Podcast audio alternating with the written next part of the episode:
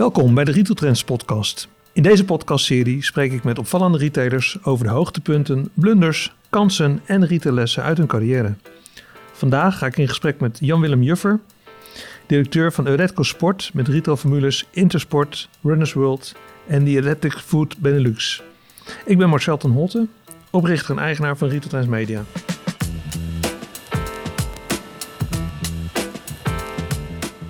Ja, Willem, dankjewel voor, jullie, voor jouw ontvangst van mij hier op jullie kantoor in uh, Hoevelaken. Groot, Welkom. Grote Euretco-kantoor, helemaal leeg. Een beetje leeg in deze tijd, ja. Dat klopt. Maar, uh, nou, in ieder geval genoeg anderhalve meter afstand hier. Hey, je hebt in heel veel, of in diverse retailsectoren gewerkt. Um, ja, ik ben heel benieuwd naar jouw retaillessen. Je bent redelijk of niet veel in de media geweest. Dus gaaf dat je hier aan mee wil doen aan onze ja, leuk, podcast. spannend. En toch al 25 jaar uh, in, in, in retail actief. Ja. Um, nou, als we bij jouw begin van jouw carrière starten na jouw studie... ben je begonnen bij Schuitema, of C1000 eigenlijk? Klopt. Als assistent module manager. Klopt. Wat was jouw opdracht daar? Klopt. Ja, dat was wel een hele boeiende. Um, ik uh, ben toen gevraagd vanwege werkdrukcapaciteit uh, om de moduleboeken vers semi-vers te schrijven. Okay. Dat was destijds voor de derde generatie. Ja. En dat ging over uh, het zuivelvak, het brood, de groenten, vleeswaren. Ja. En ja, dat was heel erg boeiend. Had jij wat met retail op dat moment of was het echt gewoon... ja, dat, dat, is wel bijzonder. Ik... Ehm, ik kom uit een gezin waar ik een uh, oudere zus heb en die nog weer een veel oudere partner had. En die had een uh, eigen supermarkt. Dus als twaalfjarig uh, jochie was ik zeer frequent op de winkelvloer te okay. vinden. Oké, dus dat was, je had wel, wel affiniteiten mee. Ja. ja, dat was ook het mooie voor deze rol om met je studieachtergrond ja, en de praktijkkennis die je had. Ja, want je, had, je hebt HO gedaan, universiteit? Ja, klopt. Ja. Oké. En um, ja, dat, dat heb je een jaar gedaan? Ja, die functie? Een half jaar eigenlijk. Half, en toen schoot je al door naar de volgende supermarktketen? Ja, dat had een beetje te maken dat uh, de job die ik daar deed, dat was een tijdelijke job. Ja. Dat wist ik ook van, uh, van tevoren. Ja. En uh, mid jaren negentig was het niet eenvoudig om aan werk te komen. Nee. Dus ik was al blij dat ik bij Schuitema toen mocht starten. Ja. ja, en dat geeft dan ook al direct weer dat stapje dat je daarna door kon gaan. En toen mocht ik naar een regionale concurrent Vomar. Ja, ja precies. En dan werd je meteen marketingmanager. Ja, nou, dat was er op mij in. Dat, klinkt, klinkt, klinkt, klinkt stuurder dan dat, uh, okay, dan het was. Okay. En, en, en wat, wat, ging je daar doen? Ja, dat was uh, um, voor mijzelf heel erg boeiend. Omdat uh, je direct ging rapporteren aan de directeur-eigenaar, Kees Zwanenburg. Ja. En ehm, dat was zeker niet makkelijk. Nee. Um, Kees is veel eisend, mm -hmm. recht door zij. En ja, daar, uh, daar heb ik wel leren werken. Oké. Okay. Je leert daar werken, kwaliteit te leveren, um, productie te leveren. Ja, dat was heel divers. Uh, ook gezien mijn ervaring. Want naast mm. dat ik altijd in de supermarkt heb gewerkt, heb ik ook bij Albert Heijn Groentecentrale gewerkt. Ja. Uh, in mijn studietijd. En daardoor uh, ja, ook vrij brede kennis. Dus enerzijds was het het marketingdeel, mm. de folders maken, Um, alle andere reclameuiting, de huisstijl bewaken, Ja. zorgen dat de vrachtwagens bestikkerd zijn. Maar ja, ik heb me ook wel weer bemoeid met hoe je fust moest sorteren. Want die ervaring had ik bij Albert Heijn Groentecentrale weer opgedaan. Oké, oké. Dus het was ook wel hands-on. Ja, ja, ja, ja. Nou, dat is mooi. Ja, Dat past jou wel. ja. Ja. En toch ga je dan ook wel vrij snel weer door naar, eh, naar je volgende baan. Ja, ja, dat is een heel bijzonder verhaal. Ehm, ik weet op een gegeven moment dat ik eh, in mijn beleving met Kees iets had afgesproken. Als ik een jaar goed zou presteren, dan zou ik een bepaalde salarisstap maken. Ja. En hij voldeed niet aan mijn verwachtingen. Ik kom op mijn kantoortje terecht, een beetje zagrijnig. Ja. En op dat moment gaat de telefoon en er werd een headhunter. Oh, En daar heb ik dezelfde avond in Amsterdam mee afgesproken. En dat was voor TUI. ja. En ik had helemaal niks met reizen. Nee. Ik ging nooit op vakantie. ik had nog nooit in een vliegtuig gezeten. En, eh, maar was op dat moment eh, ja, jong. Misschien ongeduldig. Nou, niet misschien. Zo'n een beetje frustratie dan, dat je Ja. die, die salarisstap Ja, niet kreeg? klopt. Ja. Ik vond dat ik dat verdiend had. Ja. Had erg hard gewerkt.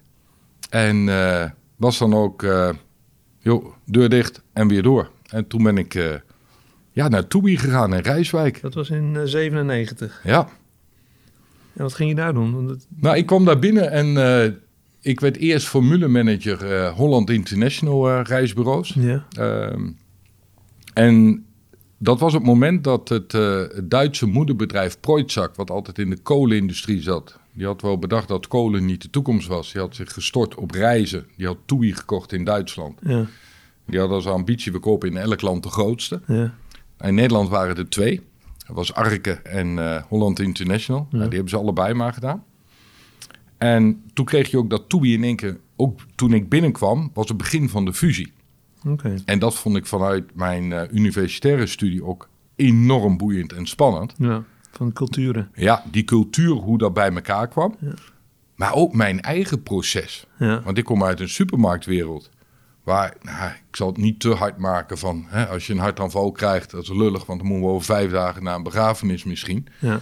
Eh, Kost- maar dan kost gaan we weer door. Ja. Maar dan kom je ineens in een wereld waar een stuk glamour in zit. Ja. Supermarktwereld zit weinig glamour in. Ja. Ehm, een hele ander consumentenritme. Ja. Je verkoopt producten die je niet vast kan pakken. En waarin je in de supermarktwereld heel erg gericht was op presteren, geld verdienen, Ja. kom je ineens in een wereld terecht waar ik in ieder geval ervaarde dat het anders was. Waar die nadruk veel minder was. En hoe was het voor jou? Je, je, hebt die supermarktachtergrond ook qua, eh, in je studietijd al. En, en dan kom je in een wereld... hè, Je zegt zelf net, ik heb nooit in een vliegtuig Nee. gezeten. Hoe kwamen ze bij jou überhaupt terecht? En, en hoe was het voor jou, die ervaring? Nou, ik weet, na drie maanden dacht ik, ik word gillend gek hier. Ja. Wat doe ik hier? Ja. En ik had geluk dat eh, mijn baas, Wouter Schortinghuis, die kwam bij Kou Kou vandaan. Die, eh, die begreep mij ook goed. En ik weet dat ik bij Hans Bakker, voorzitter van eh, het bestuur toen, kwam een keer. En toen zei ik, waarom heb je me eigenlijk aangenomen? Ja, waarom ik? En toen zei hij, we wilden juist eens een andersdenkend iemand binnen de groep hebben. Oké, nou, dat is, was gelukt. En dat was zeker gelukt. Ja. En ja, dat, dat, dan ga je ook anders leren. En in, in het begin, dan, dan zie je wel dingen. Ja. Eh, maar ik denk dat je je jeugdigheid, je onervarenheid... het dan nog slecht een plek kan geven. Mhm. En dat heb ik wel meer leren doorzien. Oké, en, en wat bracht jij hen dan waar zij behoefte aan hadden? Een stukje rationaliteit. En ehm, een aantal dingen die ik me daarvan herinner is... Ik weet dat op een gegeven moment KLM kwam.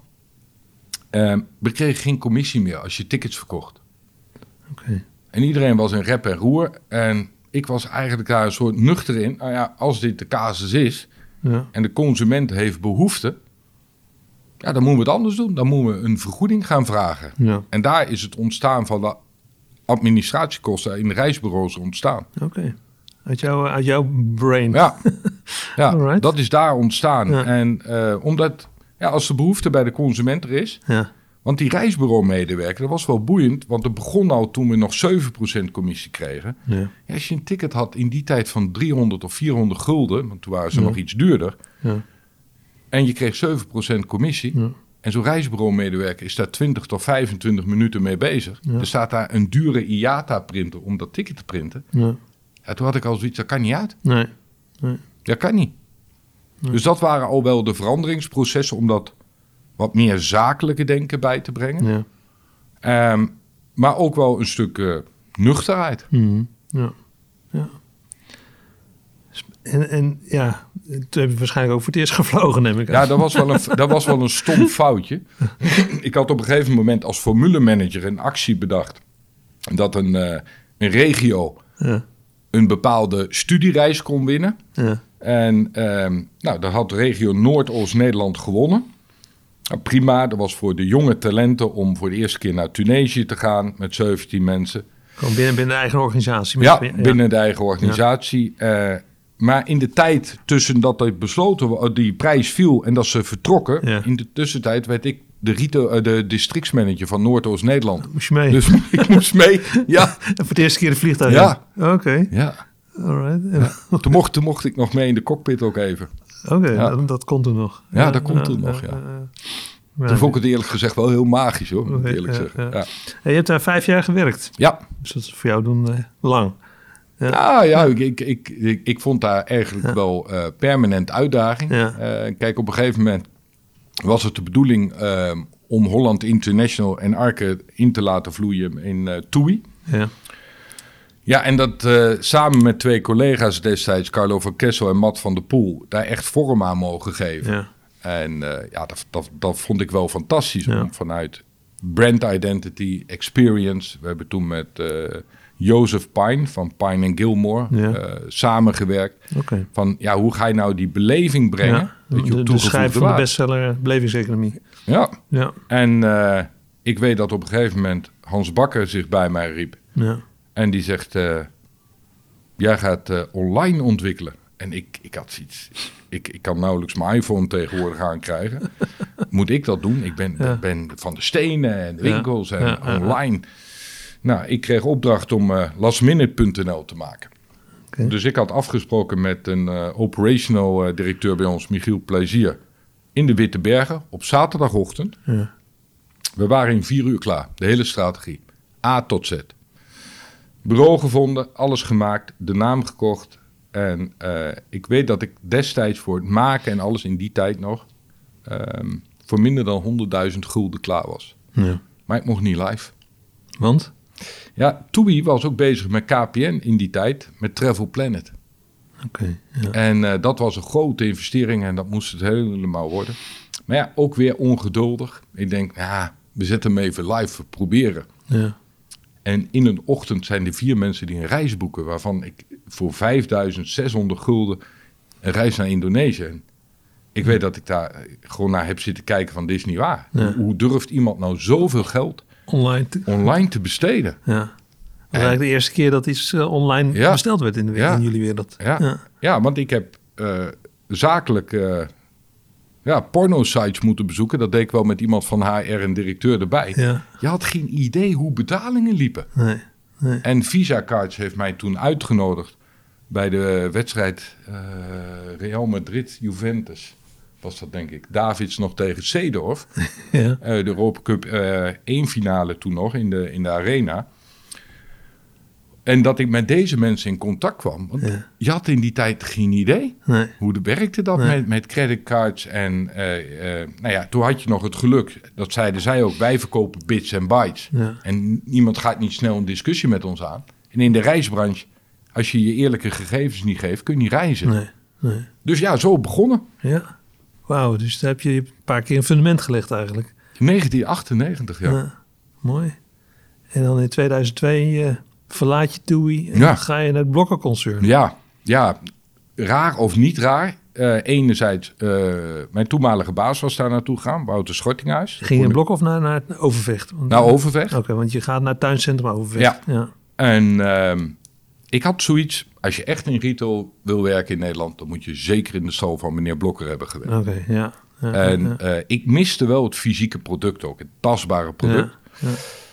Dus naar Overvecht, ja, dan kom je in één keer in een wereld dat je winkels hebt die 22.000 vierkante meter zijn. Ja, ja, ja, ja. En dan moet je zo'n winkel gaan inrichten en bouwen. En dan pak je je lineaaltje en dan ga je dat schetsen en eens een vlekkenplan maken. En nou, dan lijkt er wel geen eind aan te komen. Want jouw, functie werd daar retail brand manager. Ja, deed ik ook de marketing, eh, brand identity. Want hoeveel, Eh, hoeveel vestigingen waren er toen? Ongeveer? ik denk een stuk of 16. Ja. ja.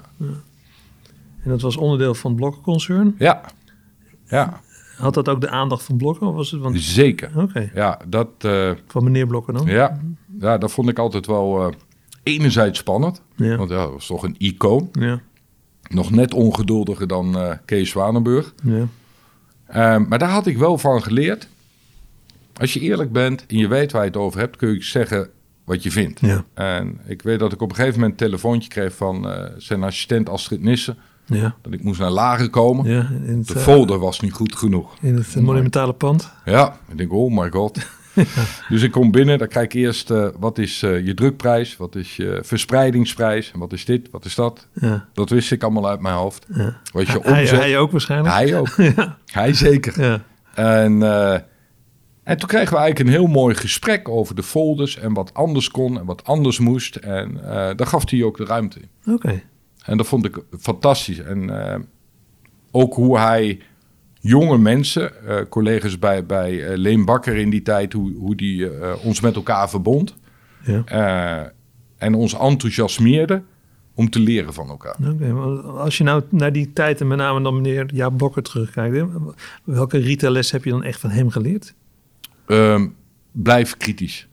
Elke dag opnieuw. Ja. En de economie kan shit zijn, het weer kan shit zijn, heb jij geen boodschap aan. Dat verander je niet, Nee. haal het maximale eruit. Oké, Elke dag weer. ja. En, en ken je feiten, Ja, details hè? details. Ja. Ik heb daar ook geleerd, ik weet de eerste twee eh, jaar, omdat voor mij de seizoensmatigheid van de business, daar moet je aan wennen. Ja, En eh, dan krijg je een marketingbudget en dan zit het tegen of eh, mee. En dan kreeg je in één keer in juli, ja, je marketingbudget moet naar beneden. Dan dacht ik, maar hoe dan? Ik heb Ja. toch al gepland. En, ja, ja. ja. en toen dacht ik, hoe kan je dat nou voor zijn? Mhm. En alles heeft een ritme. Ook je omzet, ook in een seizoensmatig bedrijf. En als je dat op een gegeven moment goed in kaart brengt, dan weet je op een gegeven moment in april al wel, uiteraard met een deviatie van 2 of 5 procent afhankelijk van de handel waar je in zit, Mhm. Maar waar je jaar einde op gaat eindigen. ja. Als je dat weet, kun je dan al bijsturen. oké. Dus je had wel mogelijkheden om eh, eraan te voldoen. Absoluut. Ja. Ja. En het tuincentrum overvecht binnen het Blokker-concern. Je zegt van, ja, had echt de aandacht van meneer Blokker. Ja. Want ik kan me voorstellen dat Blokker winkels en, en, en, en, en, en ja, de andere woonwinkels maar zeggen, en, en Intertoys, dat die meer aandacht zouden krijgen dan, dan het tuincentrum. Maar dat is niet zo. Nou ja, ik weet niet hoe hij zijn tijd besteedt. Nee. Ehm, uiteraard, eh, als wij gesprekken hadden met of eh, Bart Smit of met Johan Oosterhoff, die in die tijd bij Blokken zat. Ja. En we gingen samen de folder eh, verspreiding inkopen of drukwerk. Ja. Ehm Eén, vond hij altijd, heb respect ook voor je leveranciers. Ja. Ehm, ja, je kan niet altijd een mes op de keel zetten. Heb Nee. respect. En ik vond altijd wel mooi. Tuurlijk zal, zal de blokkenwinkels en de leenbakkerwinkels meer Mhm. aandacht hebben gehad vanuit een financieel perspectief. ja. Maar ik vond het altijd fantastisch. Want begin december kreeg ik standaard een telefoontje van Astrid Nissen. Welke Ja. dag meneer Blokker het beste in tuincentrum Overvecht Utrecht ja. aanwezig kon zijn om klanten te helpen tijdens de cashtshow. Wauw. En dat, dat, dat heeft mij altijd wel Ja. geïnspireerd. En dat want- deed hij ook echt. Jazeker. Ja. En ehm, kijk, weet je, ik denk dat elke retailer die zichzelf een retailer noemt, Ja. rete goed beseft. Op kantoor gebeurt het niet. Nee, nee, nee. Het gebeurt nog altijd op die winkelvloer. Ja. Ja. En eh, ja, dat vind ik ook het mooiste. Ja, mooi. Mooie, mooie lessen. En mooi, eh, mooi dat je daar ook met hem hebt eh, mogen samenwerken. Ja, dat is toch wel uniek. Hey, en dan weer na vijf jaar, dan vlaat je toch het blokkenconcern Ja, om naar Perisport te gaan. ja. Want was, hoe, hoe kwam dat? Had je niet het idee van, joh, ik wil binnen Blokker verder? Ehm, nee, dat had ik niet. Ik, eh, ik, de, de blokkerwinkels en, en eh, in die tijd, dat sprak mij minder aan. Oké. Ehm, en ik had echt wel zoiets van. eh, ik, ik weet dat ik toen heel erg geenthousiasmeerd was door fashion retail. Alright. En ik weet ook nog eens dat ik een sollicitatiebrief had gestuurd naar Wie. Ja, En ik werd eerst uitgenodigd ook nog. ja. En twee dagen later krijg ik een belletje. Nee, we hebben toch een foutje gemaakt, want je hebt nog nooit in fashion gezeten. Oh, Oké, dacht ik. Dat vond ik wel bijzonder, heel eerlijk. En dat vind ik nog steeds. Want voor mij Ja. gaat het ehm, om personen en niet over altijd je achtergrond. mhm. En daardoor kwam ik eh, eigenlijk in de lijn bij eh Perisport. ja. Daar werd ik eh, voor gebeld. Ja, en Perisport, vind ik een begrip.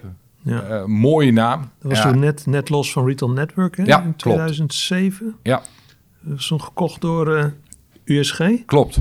En dat was, ook- die was ook eigenaar van Actiesport op dat Klopt. moment. Ja, ik ben in die tijd binnengekomen. Ja, ja, helder. Ja, en sport, ja.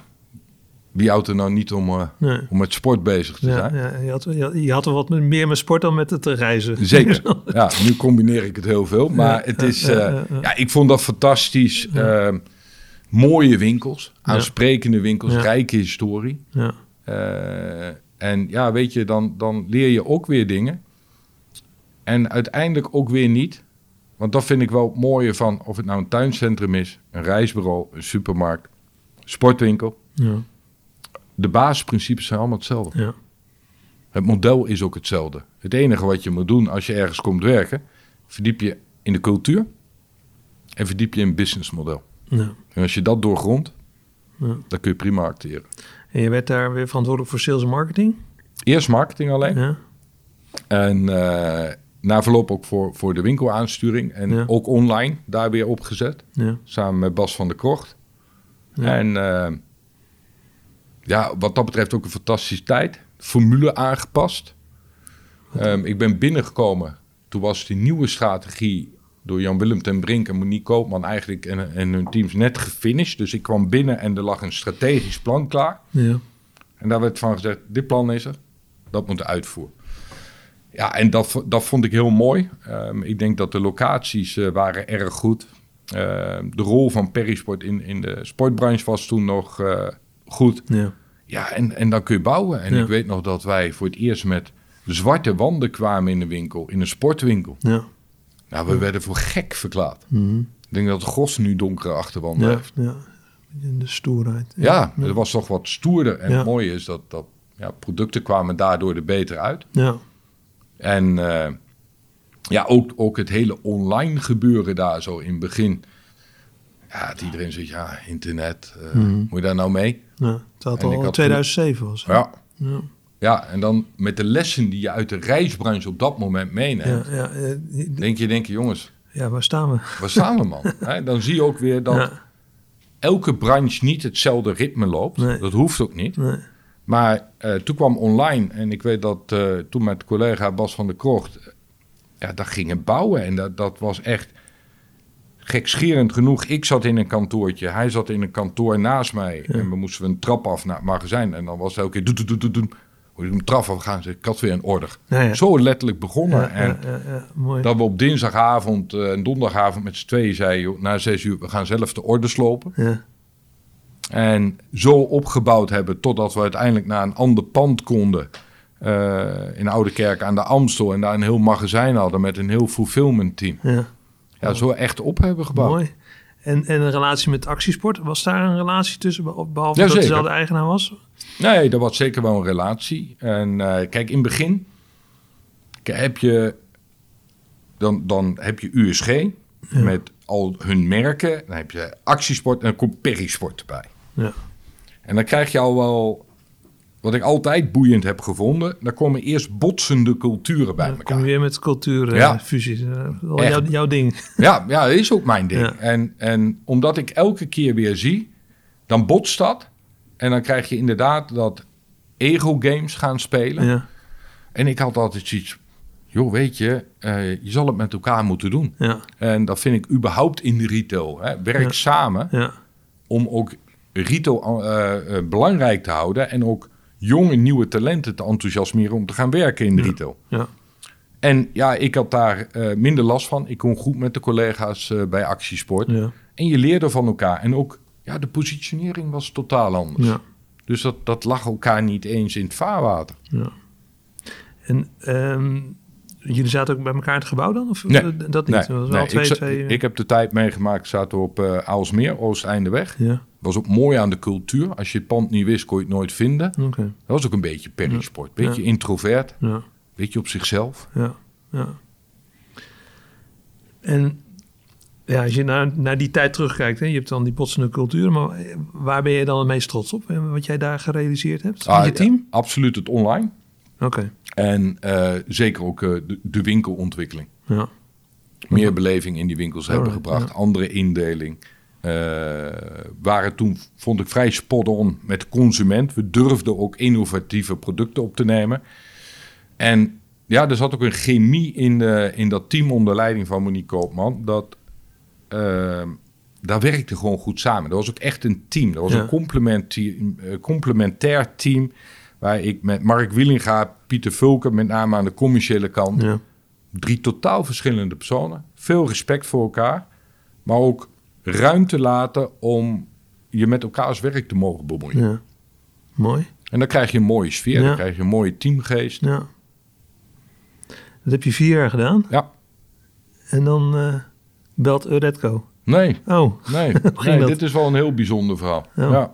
Nee, ik weet dat eh, Steve Preston eh, werd toen mijn baas. binnen, binnen Perry. Ja. En Monique Koopman was weg. En ik stond op een avond bij het koffieapparaat. En toen zegt hij, ik ga je baan splitsen. Ja. En ik had eerst nog zoiets van, ja, misschien vind ik dat wel goed. Ik, mijn werk is redelijk mijn hobby. Dus Ja. er gaat redelijk wat hobbyuren in zitten. En toen dacht ik, Mhm. ja, het is misschien ook wel veel. En hoe wilde hij splitsen dan? Nou, hij wilde dat ik terugging op marketing. En dat wilde ik niet meer. Nee. Ik wilde op die saleskant blijven zitten. Ja. En toen zei ik, dat ga ik niet doen. nee. Toen zegt hij, zoek maar een advocaat. Oké. Oh, heel concreet. Ja, toen heb ik buiten bij Kudelstaat, weet ik goed, heb ik op, het, eh, op de dijk eens even gezeten. Ik denk, wat, wat, wat doe ik hier? Wat gebeurt er gebeurt nou? Wat doe ik Ja. hiermee? Ja. Eerst bij boos, je bent verdrietig. En toen dacht ik ook, ja, joh, weet je, soms moeten dingen zijn zoals ze zijn. Ja. Ik weet dat ik een advocaat heb gebeld. Ik zie, joh, dit gebeurt me. Ik hoef geen geld mee. Ehm, ik wil dat mijn eh vakantieuren worden uitbetaald, mijn declaraties. En ik had toen wat geld in het bedrijf zitten voor aandelen. Dat geld wil ik terug. Ja. En ik wil daardoor van mijn concurrentiebedingen af. Want ik Ja. denk, ja, de kans dat ik in de sportwereld terechtkom is misschien wel te groot. Ja. Ik ben op vakantie gegaan, eh, een week. En ik kwam terug en alles was geregeld. Ik kon tekenen. En ik, eh, nog geen vier, vijf weken later eh, had ik de keuze uit een drietal jobs. Waarbij die van Intersport was. Ja.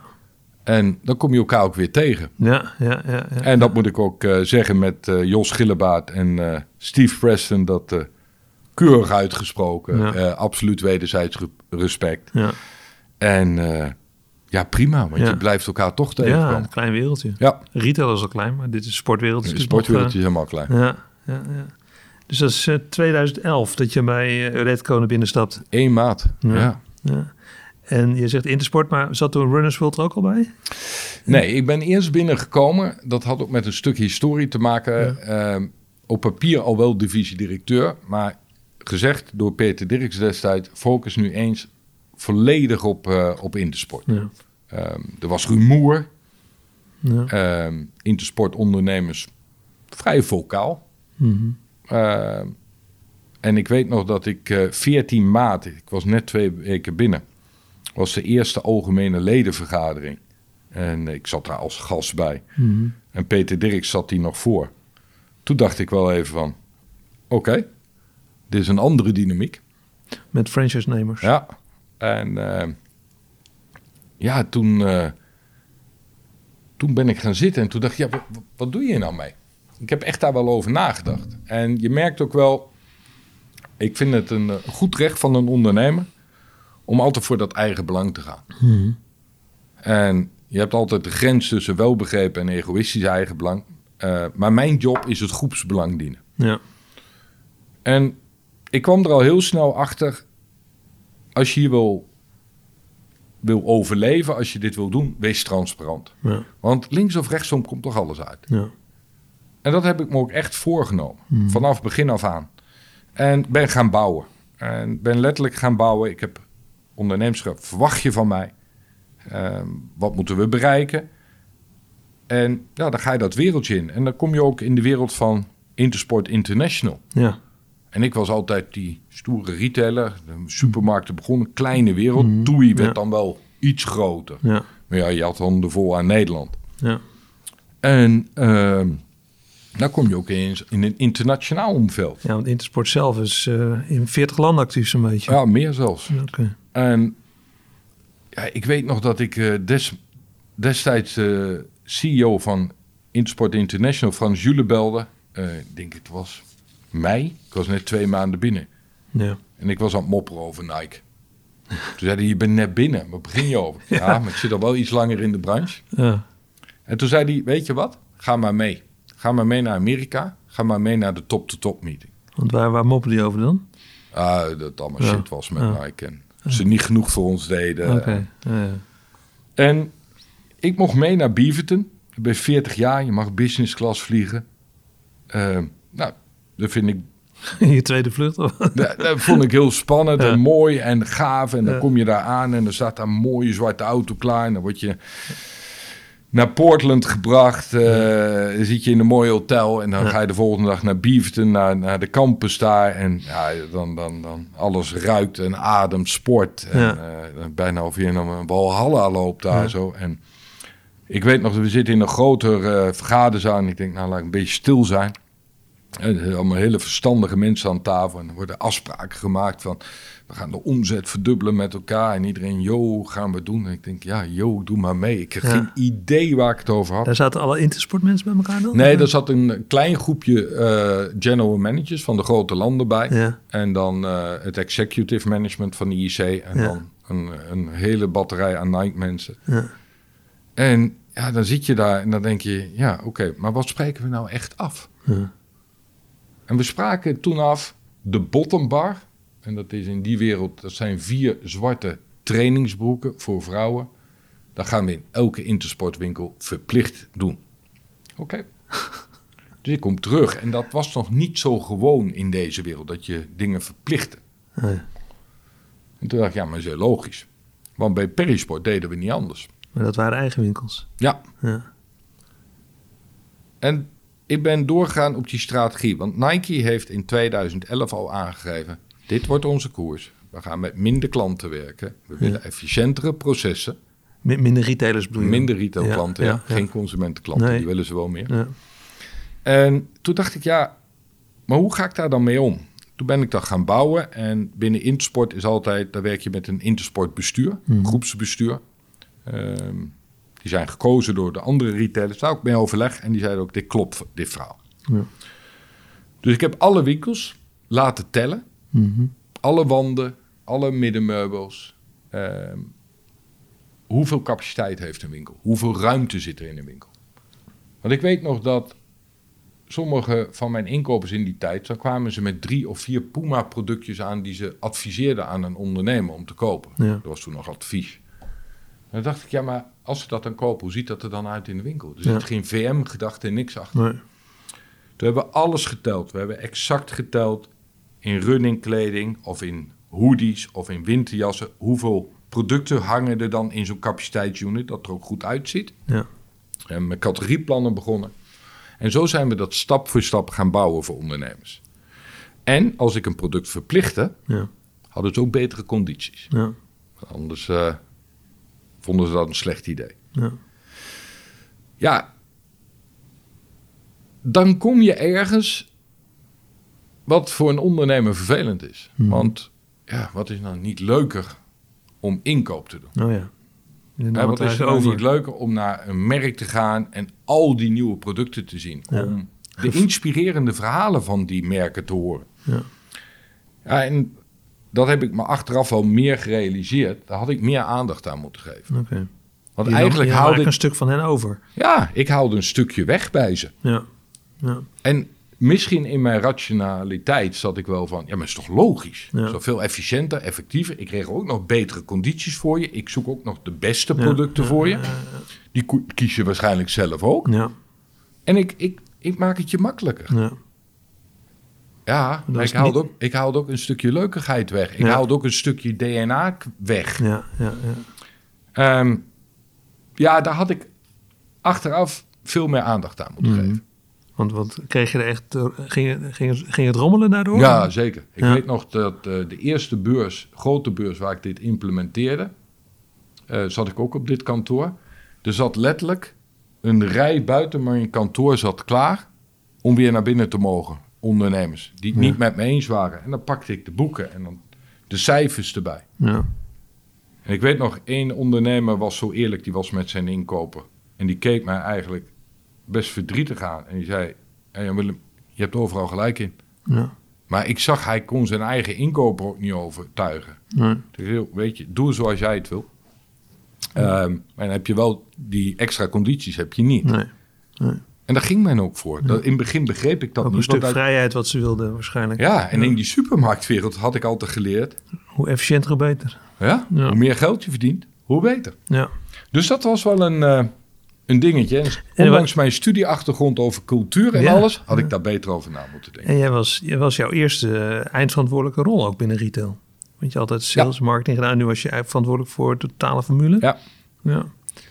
Maar goed, heb je dat, uiteindelijk is dat wel, wel weer goed gekomen dan? Of hoe, heb je het anders georganiseerd dat ze wel tevreden werden? Nou, weet je, het, eh, we hebben toevallig gisteren in het eh, groepsbestuur eh, van een van de bestuursleden, Roy van den Berg, zwaar een compliment gehad. Ehm, on- on- Oké. Ondernemers zijn over het algemeen niet vaak complimenteus. Nee. nee. Eh, nee, ja, dat vind ik wel. Ik, eh, we, we kunnen cijfermatig aantonen dat eh intersportondernemers en ook de anderen inmiddels een lucratieve boterham hebben. Ja. Ehm, we hebben zelfs inmiddels ondernemers die zeggen: joh, we komen helemaal niet meer inkopen. Doe maar. Het is toch goed? Ehm, dus dat proces ga je steeds verder in. Ja. En dat heeft ook wel te maken met een stukje kennisoverdracht. En Mhm. ik heb regelmatig rondjes hier over de parkeerplaats gelopen. Kijk, 12, 13 jaar geleden in de sport retail, Ja. of het nou Nike, Adidas, Puma, Mitsuno, whatever heette, het proces was overal hetzelfde. Ja. Je ging naar het Sport Business Center, je selecteerde je producten, je probeerde zoveel mogelijk voordelen te krijgen. En dan in je winkel probeerde je voor de hoogste prijs te verkopen om zoveel mogelijk marge te maken. Dat was het. Ja. Maar wat je ook in de, in ieder geval in de, in de sportwereld ziet, is dat de fragmentatie tussen leveranciers neemt enorm toe. Mhm. De fragmentatie tussen retail neemt enorm toe. ja. Online heeft een vlucht genomen. Merken die zelf eh, rechtstreeks aan Merken direct to consumer. Ja. Ehm, en ik denk dat dat ook wel een belangrijke les is. En dat is niet alleen voor sportretail, ik denk in zijn algemeenheid retail. De tijd dat je om negen uur bij wijze van spreken je winkel open deed en zes uur dicht naar de kassa liep om te kijken wat voor een omzet je had gedaan. Ja. Dat was een aantal jaar geleden al voorbij. Want die klant kwam niet meer alleen naar jou toe, jij moest ook naar die klant toe. Mhm. Maar ik denk tegenwoordig dat ene koopmoment is een onderdeel van de hele relatie die je moet willen hebben met die klant. Ja. En in onze wereld gaat dat dan eh, uiteraard met sporten. Mhm. Eh, maar ik denk net zo goed in andere werelden zul je connectie houden met die klant. En ja, eh, als jij geen toegevoegde waarde weet te bieden, of het nou naar de leverancierskant is, Mhm. Ehm, of naar de klant toe, of in mijn rol, naar mijn ondernemers toe. Dus als ik heel makkelijk inwisselbaar ben, Ja. Ja, dan heb ik geen waarde. Nee, nee, nee. Hey, je bent nu verantwoordelijk voor drie, drie eh, formules. Hè? Intersport, Runners World en die Athletic Food Benelux. Ja, Ehm, hoe verhouden die zich tot elkaar? Eh, wat het grote onder- Intersport is natuurlijk de brede, de- de- voor de breedte sport. ja. ja eh, Maar- Intersport is echt eh, multi-specialty eh, categorie. Ja, vooral voor de, de, de, ja, de belangrijkste Ja. sportgroepen in Nederland eigenlijk. Voetbal, hockey Klopt. Voetbal, hockey, tennis, running, Ja. training, eh, wintersport niet te vergeten. Ehm, Runners World is, is echt dedicated running specialty. Ja, met ook lopen, met ook een, een, een baan in de winkel. Correct. Ja, En eh die athletes food, dat is eigenlijk eh, ja, wat wij dan mooi noemen off the pitch. Dat is de, de, de, de casual kleding van de sportmerken. ja. Eh, dus dat zit überhaupt in een ander speelveld Maar dan... meer kleding dan, dan, dan schoenen? Of nee, schoenen is meer. Ja. De sneakers. ja. En eh, ja, die zit in, in de wereld wat wij noemen met een vakterm athletic specialty. Ja. Waar de andere twee in sporting goods zitten. Alright. Ja, want athletic voelt als echt ook een sportfocus, maar het is meer, meer fashion ook. Ja, dat, ik denk dat is het ook. Kijk, als je in onze bedrijf kijkt waar je een divisie fashion hebt en divisie sport, dan zou het misschien ritmisch wel veel beter passen bij een fashion. Alleen Ja. de producten die ze aanbieden, dat zijn uitsluitend Ik sportmerken. koop jullie in. Ja. Ja. ja, ja. En hoe, hoe kun jij je aandacht eh, verdelen tussen die eh, drie units? Gelukkig wel, een goed team. Ja. om mij. ja. En, en alle drie zijn ook volledig met franchise. Ja. Ja. ja, wij hebben het beleid dat we geen eigen winkels hebben. Nee. Daar heb ik verschrikkelijk aan moeten wennen in het begin. Ja. Ik was altijd gewend om eh, zondagavond, dan wel maandagochtend vroeg de cijfers door te nemen. En als me iets niet aanstond, om dat voor de woensdag alweer geregeld te hebben. Ja. En hier eh, in het begin moet je afstemmen. Mhm. En ehm, in het begin vond ik dat heel lastig. ja. Ehm, vond het ook moeilijk, vond het moeilijk dat je op sommige dingen een stuk verantwoordelijkheid kwijt was, wat je in een verticaal bedrijf eh, wel had. ja. Echter door de jaren heen ook geleerd. Ja, ondernemers vind ik in die zin absoluut bijzonder. ja. eh, de betrokkenheid bij de lokale omgeving, Mhm. ehm, de snelheid van acteren. Heb je een goed verhaal en ze dragen het, dan je tien keer succesvoller dan in een Ja. eh, niet verticaal of in een verticaal bedrijf. Ja. En laten we ook niet vergeten, bij, bij Perisport was ik verantwoordelijk voor ongeveer 900 mensen. Ja. Buiktijd aan kwijt. Ja. ja. En En dat, heb ik nu niet. Nee, nee. En als je nu even in Intersport eh, inzoomt, hè, dan, dan heb je een grote groep eh, ja, eh, kleinere franchise-nemers met één of twee Ja. winkels. En je hebt een paar hele grote. Bedoel, Klopt. Als je kijkt naar Twinsport bijvoorbeeld, die hebben, als ik even goed tel, eh 16 winkels. Ja. Ehm, hoe verhoudt dat zich in het krachtenspel? Nou, kijk, weet je, dat is altijd wel mooi. Ehm, je hebt een boek van eh, eh, Jeffrey Pfeffer. Dat gaat over eh, politiek gedrag. En dat gaat ook over macht en machtsverhoudingen. Ja. En het mooie is, wat ik daar al leerde, macht is altijd relatief. Er is Mhm. nooit iemand die 100% macht heeft. Dat bestaat niet. En dat, dat is al één. Twee, Twinsport is voor Intersport in Nederland enorm belangrijk. Ja. Eh, heeft ongeveer 60% van de, van de omzet. Ja. Ehm, maar wat is groot? Mhm. Kijk, als ik dat weer vergelijk eh, in Elveries in Ierland, ehm, die is bijna de, een keer zo groot weer als Twinsport. Mhm. En in Duitsland heb je in Engelhoorn een, eh, een winkel. Ja. Die is ook anderhalf keer zo groot als een Twinsport. Dus hoe bekijk je het binnen de Nederlandse markt? Ja, de Mhm. grootste. Ja. Als ik het weer naar een Europese schaal trek, ja, daar hebben we er veel meer Ja, van ja. dat level. Ja. dus dat is één. Twee, Twinsport eh zeer coöperatief is. Heeft, eh, is vertegenwoordigd in ons franchisebestuur ook. Is Ja. altijd betrokken bij commissies geweest over Ja. de afgelopen tien jaar. Maar goed, je hebt wel de ervaring bijvoorbeeld dat hè, zo- zo'n Daka-sport... die Ja. op een gegeven moment gezegd heeft... joh, ehm, we voelen ons bekneld in de, de, de intersport ehm, ja, richtlijnen, franchise-structuur... en wij willen toch ook landelijk opereren. En Ja. dat kan nu niet. We moeten ons eh, postcodegebied handhaven. En Klopt. die zijn eruit gestapt na een paar jaar. Ja, Hoe is dat dan voor jou om dat eh, te ervaren? nou, dat heeft wel slapeloze nachten opgeleverd.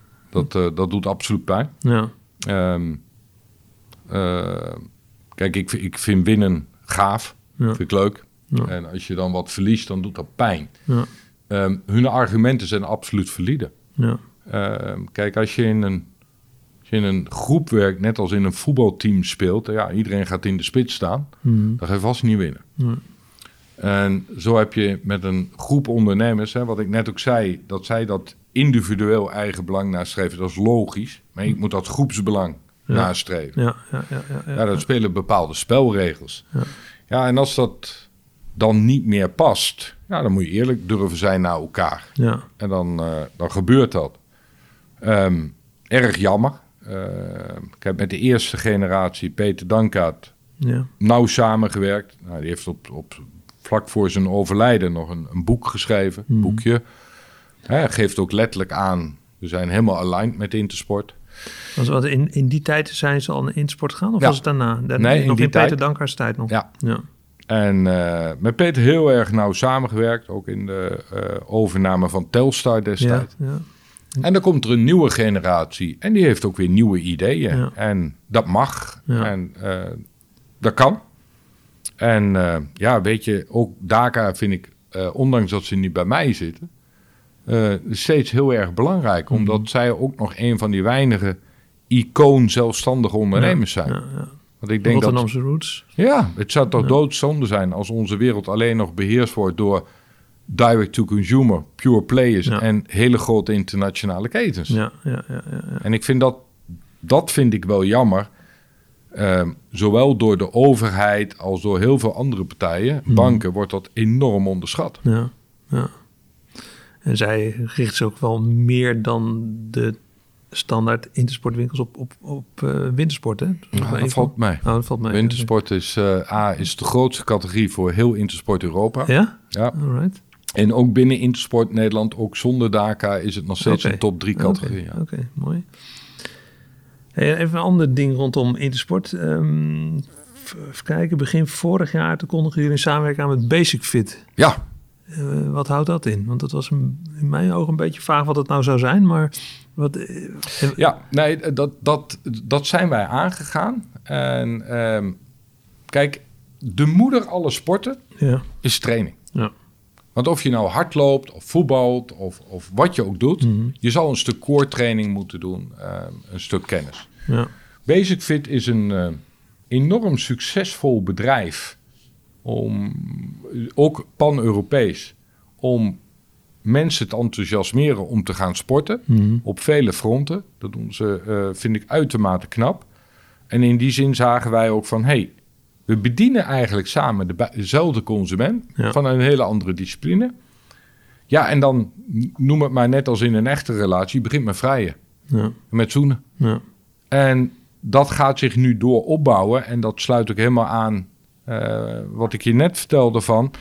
wij willen met die consument in contact blijven. Hmm. Niet alleen dat aankoopmomentje, ook daarna. Ja. Nou, daar is Basic Fit natuurlijk een uitermate geschikte partner voor Ja. ons in. Jullie zijn begonnen met een samenwerking voor drie jaar. Dus dat, Ja. is nog, dat loopt dan volgend jaar af. Ja. En, en hoe denk je dat dat verder zich gaat Daar, ga- ontwikkelen? daar ben ik zeer positief over dat zich dat door gaat ontwikkelen... en ook nog intenser gaat worden. Ja, want wat, wat, wat gaat er dan meer gebeuren dan nu? Nou, kijk, ik denk dat. ehm, ik heb zelf altijd bij een Basic Fit eh, school in eh Kudelstaat eh, gesport. En ik vond dat altijd wel boeiend. Dat, dat had ik ook wel. Ik heb wel eens gedacht, ik ga alle mensen zelf aanspreken. Ehm, dan zie ik nog mensen op verkeerd schoeisel sporten. Nee. Ik zie mensen in verkeerde kleding sporten. En ik ben ervan overtuigd, en daarom vind ik bijvoorbeeld Runners World Zone ook zo'n fantastisch concept. Ja. Als je de goede spullen hebt, Ja. A, voorkom je blessures. Ja. Je krijgt er meer lol in. En als je meer lol hebt, blijf je meer sporten. Dan blijf je het ook doen. En sportende mensen zijn fittere mensen. Een betere wereld van. Als je toch de brug naar een Runners World maakt, Hm. laten we die dan eh, maar even pakken. Ehm, want Runners World is natuurlijk een, een, een ja, specialist op, op, op, op lopen, Ja. hardlopen. Eh, en daar moet je toch ook een slapeloze nacht voor hebben gehad. Medio 2018 eh Nee. stapte een aantal franchise-nemers op. Ja, daar heb ik geen slapeloze nacht van gehad. Nee. Wat gebeurde daar? Nou, weet je, Runners World, ehm, eh, laten we eerst naar running gaan. Running is per definitie al vaak een individuele sport. Ja, Dat zie je ook vaak dat running specialisten de meeste hebben één, keer twee winkels. ja, En het is ongelooflijk wat voor passie deze mensen Ja. voor hardlopen hebben. Ik, ja. ik weet dat ik, eh, toen deze formule bij mij kwam, heb ik er bewust voor gekozen om zes maanden lang eh, één dag per twee weken vrij te maken. Ik had mijn eigen regiootje en ik speelde ik regiomanager. Omdat Ja. ik de, de formule wilde snappen, ik wilde hem dooraderen, ik wilde die ondernemers begrijpen. ja. En ik vond het lachen. Daar kwam ik bij zo'n ondernemer. En dan keek hij me aan en zegt hij... Ik ben zo terug. Moet even een kilometer met die klant eh, lopen. Ik wil even achter hem lopen hoe die Hoe loopt. die loopt. Ja. Oké. Ja. En ehm, hè, mijn eigen partner kwam geblesseerd terug van de New York Marathon. Had moeite met hardlopen. En we gaan naar een runnersworld ondernemen. En die begeleidt haar met een therapeut er zelfs nog bij. En ze liep ineens weer pijnvrij. Ja. En eh, bijna magisch wat die, wat die mensen kunnen. Ja. Dus, ehm, maar het was ook wat je zag, doordat die running specialisten, je zag de multispecialisten niet alleen Intersport, die kwamen opdrijven. Ja. Want Intersport kan ook 3D-scan. Ehm, Intersport kan ook die dynamische analyse met videocamera inmiddels doen. Dus het was wel belangrijk om de formule door te ontwikkelen. ja, om het onderscheid te houden. Ja, en dat, eh, dat heb ik in nauw eh, samenwerking gedaan met het bestuur destijds. Mm. Eh, we zijn bij Aad Stichter eh, geweest. We hebben Triple Double als sportmarketingbureau betrokken... om ons echt te begeleiden vanuit die intrinsieke DNA. Daar te beginnen. Wat bindt ons? Wat willen we? Wie zijn wij? Dat op te bouwen. En eh, daar waren deze, een, een groot deel van deze mensen bij betrokken. Ja.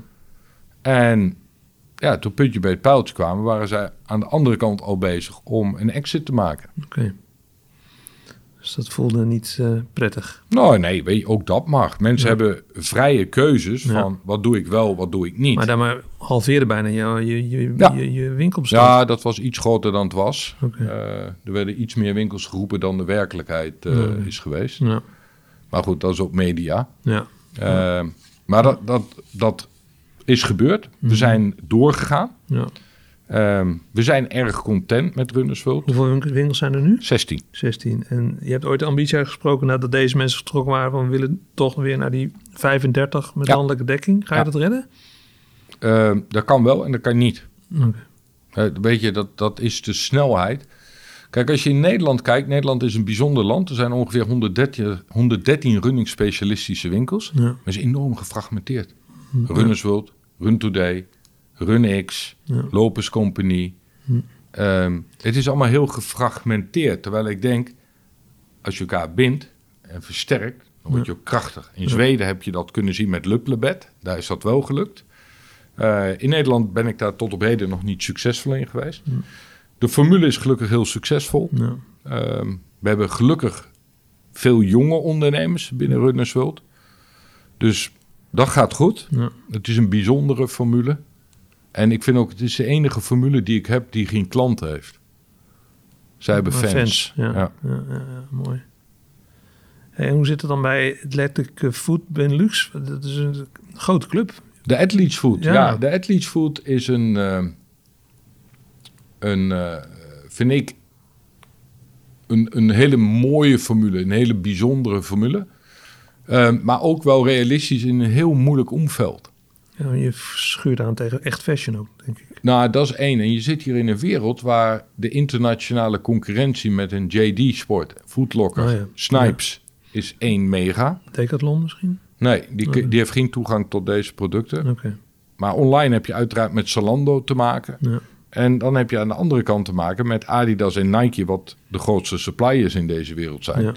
Het direct-to-consumer. Ja, ja, ja, Dus hier zit je wel in een, eh, in een battlefield ja. die niet makkelijk is. Kijk, je hebt al gezien over de jaren heen dat overal landelijke ketens als, als eh, ProSport, eh, sneakers, en zo zijn er nog een aantal, die hebben niet eens toegang meer tot deze producten. Nee. En dat is in deze wereld, ehm, dan praat je altijd weer over die wederzijdse afhankelijkheid. Ja. Aan de ene kant heb je een heel mooi concept met een hele mooie brand identity, eh, dare to play. Heel mooi neergezet, spreekt ook aan bij de consument, wordt ook erkend door de grote merken dat dat zo is. Ja. Maar dan kom je in, de, in, de, in het hele spagaat van, ja, maar er is al zoveel aanbod. Ja. Dus daar zullen wij keihard moeten blijven knokken in efficiëntie. ja, want dat ook de, de grote merken wel blijven leveren. Precies. Want, want Nike wilde inderdaad terug met een aantal eh, vestigingen waar ze Ja, te koop waren. Ja. Dus dat, dat is een risico wat je dan... zeker. Ja. Aan de andere kant ook hier weer, hoe beter wij die klant bedienen, hoe beter wij attractief voor die klant zijn, dan wil een merk daar ook bij aanwezig zijn. Mooi. Hey, en e-commerce, want je hebt natuurlijk heel veel dingen gedaan eh, in het verleden. E-commerce, hoe, wat is de rol van e-commerce in het platform van Redco Sport? Oh man, dat was een verhaal. Ik kwam binnen bij Intersport in 2011 en de eerste ding wat ik moest doen was het faillissement afronden van Intersport.nl. Oh, Nou was ik daar destijds niet verrast over, want aan de perisportkant had ik natuurlijk alles eraan gedaan. En ik zag ook wel wat ze deden. je had het zelf veroorzaakt eigenlijk. Nou, dat niet, maar ik denk dat ze het zelf in die tijd hebben gedaan. Ja. En ondernemers hadden daar ook geld in geïnvesteerd en eh dat was allemaal niet lekker gegaan. Ja. En dan kom je in een wereld terecht en denk je, met jouw achtergrond, aan passie, enthousiasme, vooruit moet online bij. Mhm. Maar hoe dan? Ja. Dus een aantal initiatieven geprobeerd en het lukte niet en het wilde niet. Want dan kom je in één keer in de wereld terecht. eh, een simpel ding als artikelcodering. En dat is een franchiser, kan zijn eigen coderingen weer aanpassen. Ja. Eh, of als hij ooit een keer een oude code heeft opgevoerd en het product komt weer binnen en hij blijft op die oude code staan, Ja. ja, dan werkt het niet. Dus daar zijn we mee aan het knokken gaan, knokken gaan. Ja, en je ziet de wereld, de Zalando's, de Nike's, de JD's, dat gaat door. Ja. Totdat ehm Intersport International eigenlijk ook tot de conclusie kwam. En die heeft in Amsterdam een kantoor geopend. En die heeft een platform gebouwd. eh, het Intersport International platform. En zoals wij VOC-mentaliteit betaamt, gaan wij natuurlijk direct mee. Ja. Met alle kinderziektes en ellende die je Ja, over je ja, heen ja, krijgt. Maar ook wel nog dat je grip kan hebben. En dan kom je ook tot mooie dingen wat waar ik zelf niet eens wist te bestaan van. Ik dacht dat een EIN-code altijd uniek is. En dan kom je erachter, is helemaal niet uniek. Ja. Dus dan kom je na een tijdje vallen en opstaan. Daarachter dat, we hebben het dan een Global Identification Number genoemd. Dat die er nog aan toegevoegd moest worden. Ehm, inmiddels, en daar heeft corona ons zeker geholpen, zijn wij in staat geweest om de voorraad van de lokale winkels te ontsluiten. Dat proces loopt ook goed. Oké, Dat is alleen Intersport of ook de andere winkels? Intersport Ja. zijn we begonnen. En we zijn bij The Athletes Food net ook begonnen. Er zijn drie winkels nu. Intersport is alles. Ja. Ja, en dat loopt als een trein. En dan krijg je ook weer de mooie dynamiek. Dat die ondernemer ziet. hey, die- ik moet hierin mee. Ik moet ook mee helpen aan die community building. Ja. Want dat vind ik weer zo mooi aan die ondernemers. Die zijn zo betrokken bij hun klanten, bij hun clubs en verenigingen. Ja, ja, ja, ja, ja, ja. Dus je hebt eigenlijk een wapen in handen die, die onverslaanbaar is. Ja. En dat doe je dus eigenlijk via je eigen eh, sites. Zit die ook nog, zijn ook actief op platforms? Nee, Of, eh, Wij zijn niet? niet actief op platform. Nee. Nee. En, en ehm, de rol van eigen merk binnen jullie. eh, heb, heb je eigen merken of ben je helemaal afhankelijk van de, de grote, Nee, de grote wij hebben eigen merk. McKinley, eh, Energetics, ProTouch. Ja. Daar Oh, blinkt ja. Nederland niet in uit. Nee. Ehm, dat moeten wij beter doen. Dat heeft enerzijds te maken... Nederland staat wel bekend om zijn hoeveelheid merken in de sportwereld. Mhm. Net als politieke partijen in dit land. Ja. Ehm, anderzijds moet ik eerlijk zijn, voetbal en sport lifestyle, sport casual zijn Mhm. grote categorieën bij ons. Daar speelt eigen merk veel minder een rol in. Ja. Kijk, als, als je outdoor en je winter, eh, je bergwandelkleding heel groot is, dan is dat weer makkelijker. Ja.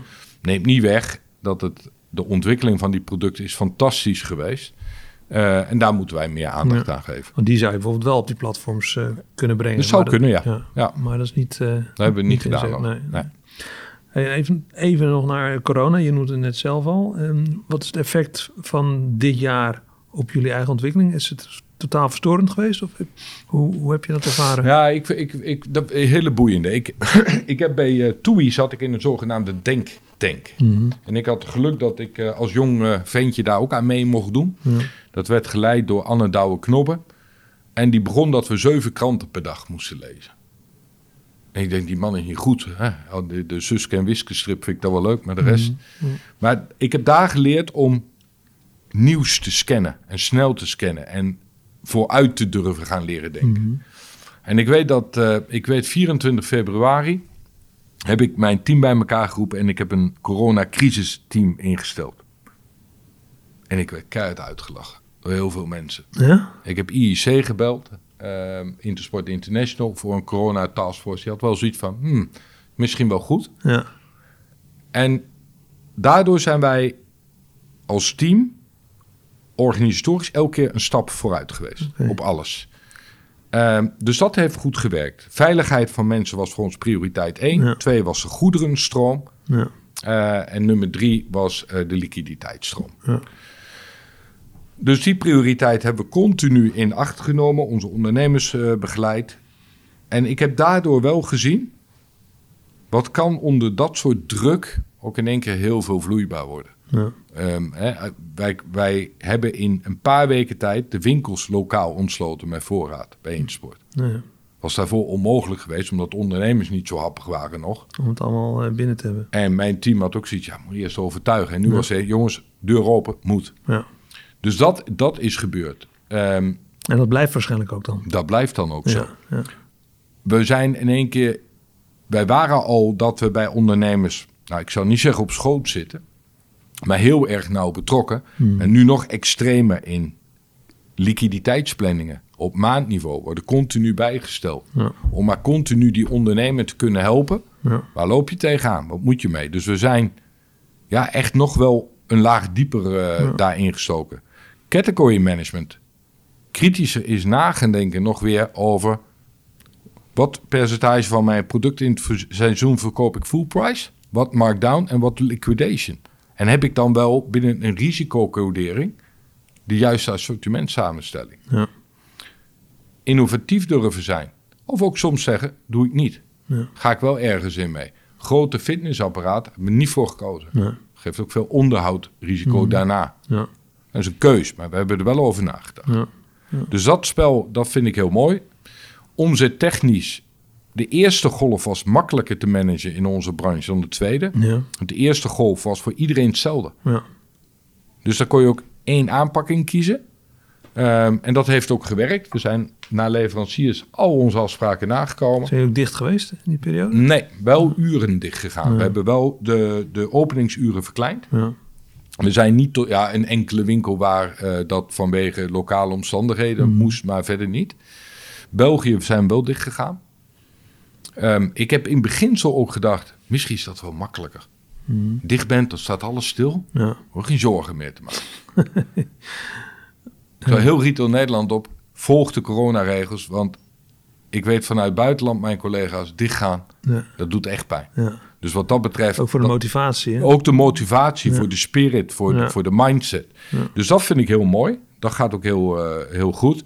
Ja, en nu de omzet eh, wintersport zal je geen verrassing zijn. Dat Daar word je niet vrolijk echt- van. Nee, nee, nee. En als ik dan de... Helaas, coronavirus is ernstig. Mediavirus zouden we nog eens iets aan moeten doen. Ja, oké. Want wat de media allemaal roept, dat, eh, is ook niet altijd verstandig. Ja, als je nu verder kijkt hè, naar eh, de komende jaren, naar jullie branche, naar, naar Euretco Sport. vijf jaar verder, waar staan jullie dan? En waar staat een branche dan? Ja, ik moet zeggen, ik, eh, ik mocht laatst eh, aan onze raad van commissarissen moest ik presenteren. Omdat ja, sport staat best onder druk. Ja, ja, ja. Toen werd mij gevraagd of ik 15 jaar plan kon maken. Toen heb ik ze Oh, toch wel serieus aangekeken. Ehm, kijk, het mooie van corona is dat ik denk eens te meer bij iedereen duidelijk is dat sporten, bewegen cruciaal is. Ja. Ja. Dus vanuit om het positief te draaien, dan is een goede marketingmachine. En daar geloof ik ook in, in zelfstandige ondernemers. De betrokkenheid bij eh, de lokale omstandigheden om sporten ook mogelijk te maken. Want Nederland heeft een fantastische sportinfrastructuur. Dat, Ja. dat als je erin zit, dan weet je het niet. Maar als je in het buitenland komt, ga je beseffen met al onze clubs, verenigingen, vrijwilligers. Ja. Echt geweldig. Ehm, dus dat zie ik heel positief tegemoet. Het enige wat af en toe ik vervelend vind, eh, waar ik ook wel eens over nadenk, waar ik ook niet goed weet wat ik mee moet, is de oneerlijkheid. Oneerlijkheid op welk vlak? Waarom worden ondernemers in Nederland zo geplaagd? Oké. Want als een ondernemer, of het nou de bakker is, of de marktkoopman, ehm, of Perisport, of, of, of Intersport, een plastic tasje aan de klant voor niks meegeeft, dat mag niet, dat is een probleem. Maar dat buitenlandse internetbedrijven er zes zakken omheen knopen, Ja. dat mag. Ja. Als je naar mijn winkel gaat, moet je parkeergeld betalen. Maar dat die dieselbus door de straat heen rijdt, daar zit niet een tax op. Nee. Ehm, hoe winsten worden weggevloeid buiten Nederland, waar geen belasting over wordt gegeven. Dan denk ik, hoe kan het dat onze overheid, maar onze hele gemeenschap, soms die ondernemers zo laat zitten? Want innovativiteit en ontwikkeling komt toch altijd nog weer bij die lokale ondernemers vandaan. Nou, dat is een mooie oproep.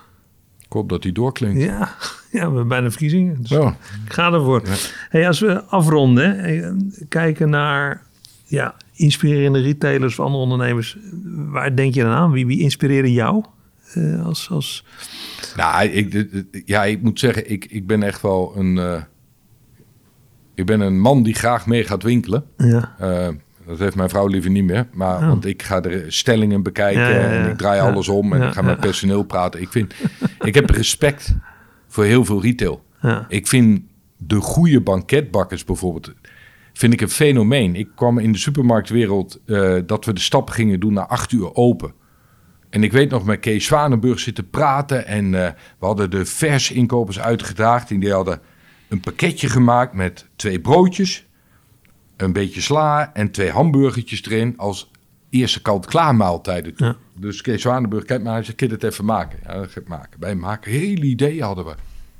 We gingen veel meer gewoon brood verkopen. ja, Hadden we nooit over nagedacht. ja, Dus, en dat zag je ook in één keer, dat toen de specialistische groenteboertjes, de bakjes, zakten toen allemaal weg. Maar als ik zie hoe die weer terug zijn gekomen en hoe die positie hebben verworven, ja, met beter, speciaal, anders brood, fantastisch. Die zijn, hè, hebben zichzelf weer minder inwisselbaar gemaakt. Dus dat vind ik heel mooi. Als ik naar mijn collega Gertjo Jansen kijk, wat hij met zijn team heeft gedaan met Hubo, Ja. hoe dat is afgestopt. ja, ja, ja. Ehm, hoe dat hip en happening is. En hoe die zichzelf minder in- eh, tot niet inwisselbaar hebben gemaakt met service aan huis. Ja. Ehm, mooi hebben nagedacht dat je langer veilig thuis kan wonen, ook voor oudere mensen.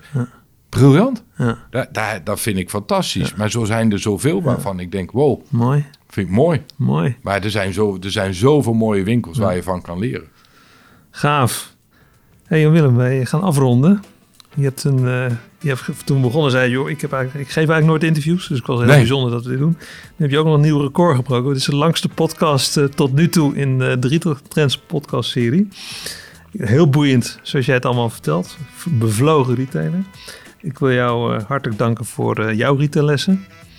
En alle luisteraars van deze podcast, dankjewel voor het luisteren. Abonneer je nu op de Retail Trends podcast en luister naar de retaillessen van opvallende retailers. Kijk voor meer informatie op retailtrends.nl. Dankjewel. Dankjewel.